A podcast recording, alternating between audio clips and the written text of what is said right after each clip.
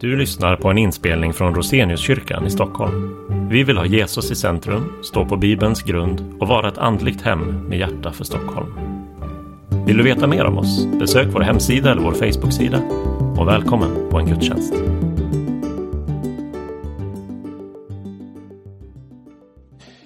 Upplyft era hjärtan till Gud och hör det heliga evangeliet, så skriver Sankt Lukas. Men att de döda uppstår, det har också Mose visat på stället om törnbusken när han kallar Herren Abrahams Gud och Isaks Gud och Jakobs Gud. Han är inte en Gud för döda utan för levande, ty för honom lever alla. Så lyder det heliga evangeliet. Ja, om, varsågod sitt hörni, om vårt evighetshopp handlar denna söndag om. Det verkligt hoppfulla som Bibeln handlar om är att det finns en väg för oss från död till liv. För den död vi alla vet att vi inte kan undgå behöver inte ändå betyda slutet. För Jesus skull så kan vi våga tro och hoppas på en framtid, en evighet, ett liv som inte tar slut och som dessutom är fri från allt detta mörka som tyngt oss här under jordetiden. Ett liv där allt är förändrat, förvandlat och förklarat. Den gammaltestamentliga texten är som dagens evangelium kort, bara två verser lång. Det är fortsättningen av faktiskt gårdagens text om Mose död. Det var inte många kyrkor som erbjöd gudstjänst eh, för den, för den, den viktiga dagen, Alla helgons dag. Josua är nu gudsfolkets ledare efter Mose och han har tagit Herrens uppdrag att leda gudsfolket över Jordan och in i Israel, det land som Herren Gud lovat sitt folk. Det skulle inte sluta där i öknen. Folket skulle gå över floden till livet i det nya landet. Och floden står ju för döden, som sagt. Gudsfolket som vill till livet behöver först passera floden, döden, och först på andra sidan så väntar livet, det eviga livet, för Guds folk. Övergången av Röda havet 40 år tidigare, det har ju kyrkan förståtts som dopet. Det vattnet blev gudsfolket till liv och till en mansålder lång vandring vart det innan det blev dags för nästa passage. Övergången från jordelivet till det eviga livet hemma hos Herren. Och så kan också vi förstå dagens text och så få hjälp att se vårt eget kommande avsked från jordelivet och allt som här binder oss. Episteltexten är från Hebreerbrevet och den handlar ju om tron. En rad personer räknas upp som alla kännetecknades av att de trodde på Herren och ändå fick de alla utan undantag lämna jordelivet i tro på det som ska komma, men utan att själva ännu fått se det ske. De hade alla i sitt hjärta, de hade sitt hjärta i det himmelska utlovade landet och såg sig här under jordevandringen som gäster och främlingar i denna världen. Och evangeliet, det handlar om hur Herren ser på oss människor. Vi är evighetsvarelser det är inte sant att vi bara lever här en kort stund av evigheten och sen upphör att existera när döden infinner sig. Jesus visar hur Moses ser patriarkerna Abraham, Isak och Jakob som existerande, närvarande, fast de levde långt före Mose. Själv säger så Jesus de hoppfulla orden till oss idag att Gud inte är en Gud för döda utan för levande, ty för honom leva alla. Ja, Bibeln talar om en framtid full av ljus och sång, där synd och död är utestängda, där allt är som Gud har tänkt det. Ett paradis som mänskliga ord inte kan ge ord för. Det kan bli för oss så som Herren menade det från början, när han skapade oss människor och satte oss till att råda över allt skapat. Alltså det som gick så snett på grund utav synden, detta något hos oss som inte vill ha med Gud att göra och som vi därför måste befrias ifrån. Och därför säger nu Herren att vi behöver lämna våra liv i hans hand och lita på honom. Då kommer framtiden för oss bli ljus och inte mörker. Då bevarar han oss när döden kommer till oss och vi ska som Jesus lovar idag leva om vi än dör. Det är Jesus som är nyckeln som alla människor behöver för att kunna gå från död till liv. Om det handlar det om denna söndag verkligen. Ja, Jesus har gått före oss i döden. Det får vara det första som vi liksom stannar upp inför. Jesus har gått före oss i döden. Och det var ju det som långfredagen också handlade om. Detta var Jesu uppgift som han av kärlek till oss människor frivilligt gick in i för att utföra.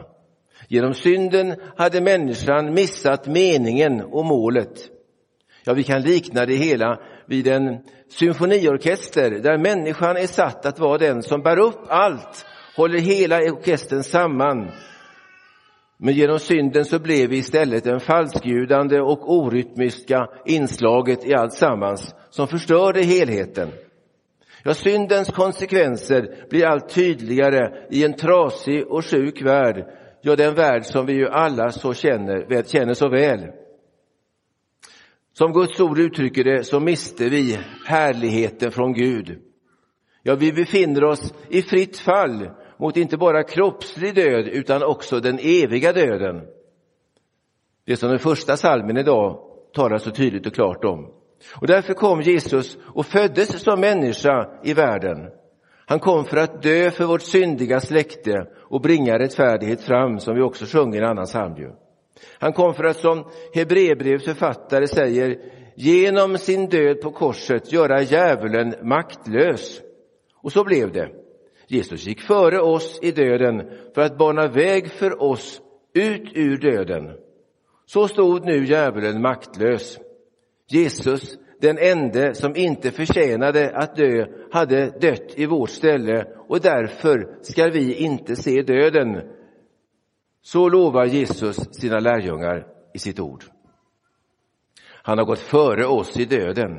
Och det andra vi tänker på är att han har gått före oss i graven också. Jesus har delat alla våra villkor, även det sista, detta att bli lagd i en grav. Detta som verkligen skedde den första långfredagen, det sprider nu ett ljus och ett hopp också över våra gravar. När våra kroppar efter döden läggs i en grav i väntan på uppståndelsens dag, så är det ju i förvissning om att det på uppståndelsens dag verkligen ska uppstå igen. Att Herren som skapat oss, som fortsätter älska oss, också ska sammanfoga våra kroppar till en förhärligad uppståndelsekropp. Ja, vi ska bli Kristus lika, står det. Som han uppstod på tredje dagen ska vi vid hans återkomst också uppstå. Ja, som aposteln skriver i uppståndelsekapitlet i första Korinthierbrevet 15, det som blir sått förgängligt uppstår oförgängligt. Vi behöver lägga av oss våra jordiska kroppar. Vi behöver omskapas och bli förvandlade. Vår himmelske fader kunde inte ta in oss sådana vi är nu. Då skulle det som inte passar in i himmelen komma med in som ett virus och liksom förstöra även himmelen. När allt syndigt måste lämnas utanför. Och därför behöver vi förvandlas, få en härlighetskropp som Jesus fick som uppstånden.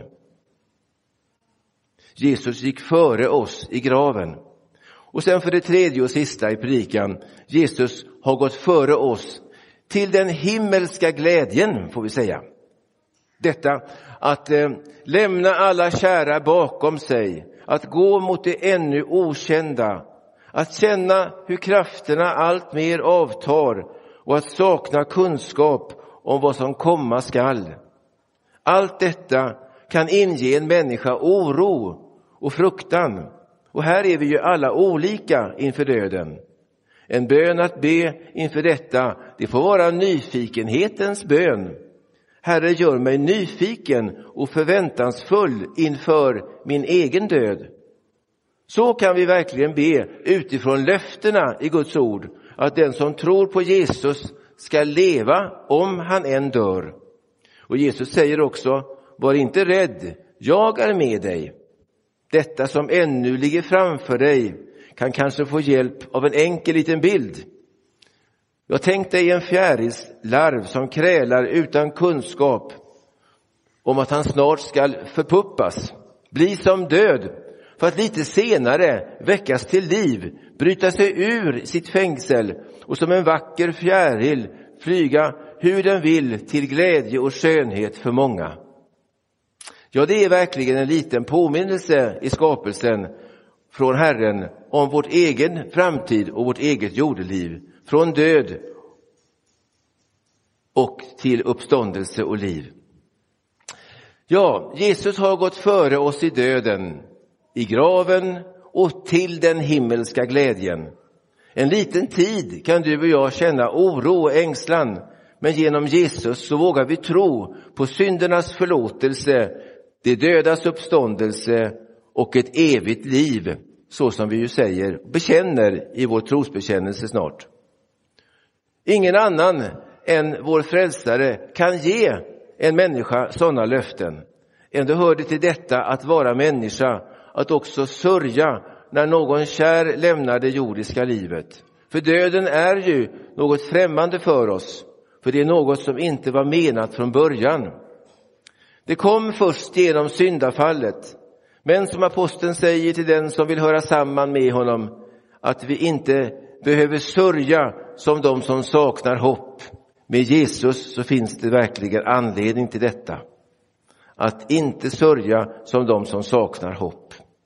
Så är det därför stor skillnad att leva i tron på vad Jesus har gjort eller att leva utan hopp. Ty så älskade Gud världen att han utgav sin enda son för att den som tror på honom inte ska gå förlorad utan ha evigt liv.